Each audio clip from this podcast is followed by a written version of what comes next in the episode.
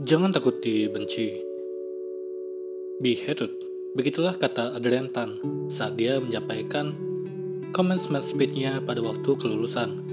Itu adalah sebuah saran yang menurut saya sangat kontroversial. Karena siapa sih orang yang mau dibenci? Ya, benci tentu merupakan hal yang sudah sepatutnya dianggap negatif. Akan tetapi, hal yang menarik adalah ketika kita melihat banyak figur-figur hebat yang membuat perubahan yang substansial. Ternyata sangat jarang sekali figur-figur hebat yang tidak pernah dibenci oleh orang lain. Hampir semua figur-figur yang membuat perubahan besar di dunia ini, mereka pernah dibenci oleh banyak orang saat mencoba melakukan aksi untuk membuat perubahan tersebut. Sebut saja Einstein, Steve Jobs, Elon Musk, bahkan Nabi Muhammad SAW sekalipun pernah dibenci oleh orang lain.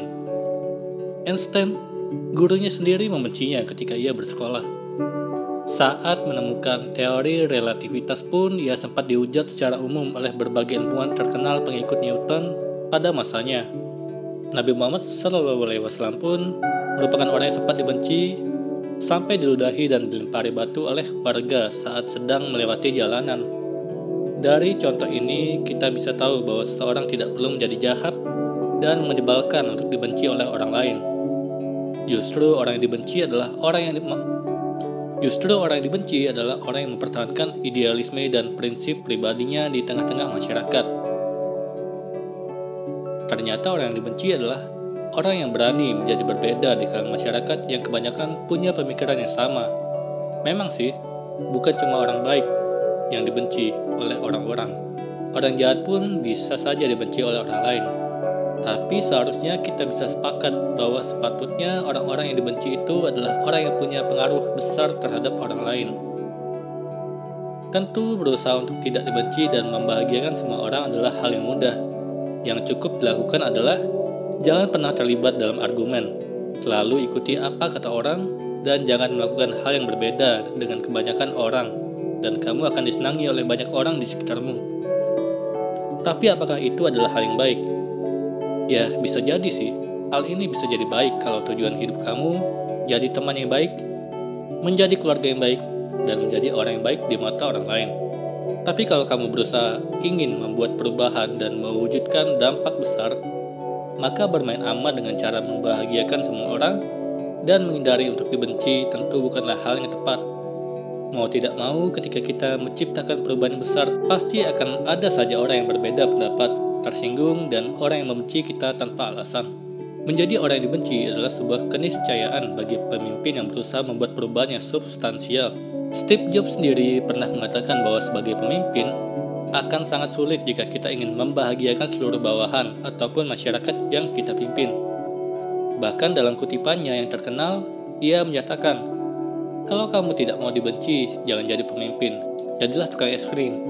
Pasti kamu akan disenangi oleh semua orang. Tidak semua dari kita mau jadi orang yang biasa-biasa. Tapi tentu tidak semua orang dan tidak semua dari kita mau jadi tukang es krim. Meskipun itu adalah pekerjaan yang menyenangkan, tidak semua dari kita mau jadi orang yang biasa-biasa saja. Sebetulnya dibenci oleh orang lain merupakan cara kita juga untuk dapat mengubah paradigma orang lain agar dapat mengubah kognisinya menjadi sesuai dengan apa yang kita percayai. Mungkin banyak yang mengatakan bahwa menulis postingan di internet, di sosmed atau di blog atau Membuat video seperti saya sekarang ini itu tidak akan terlalu berpengaruh bagi pemikiran orang lain. Tapi coba bayangkan setelah kamu membuat video atau menulis artikel ternyata dapat mengubah paradigma orang yang mendengarkan atau membaca tulisan kita. Kalau memang kamu tidak mengubah paradigma, setidaknya kamu bisa membuat orang yang mendengarkan itu dapat mengerti dengan argumen yang ingin kamu sampaikan.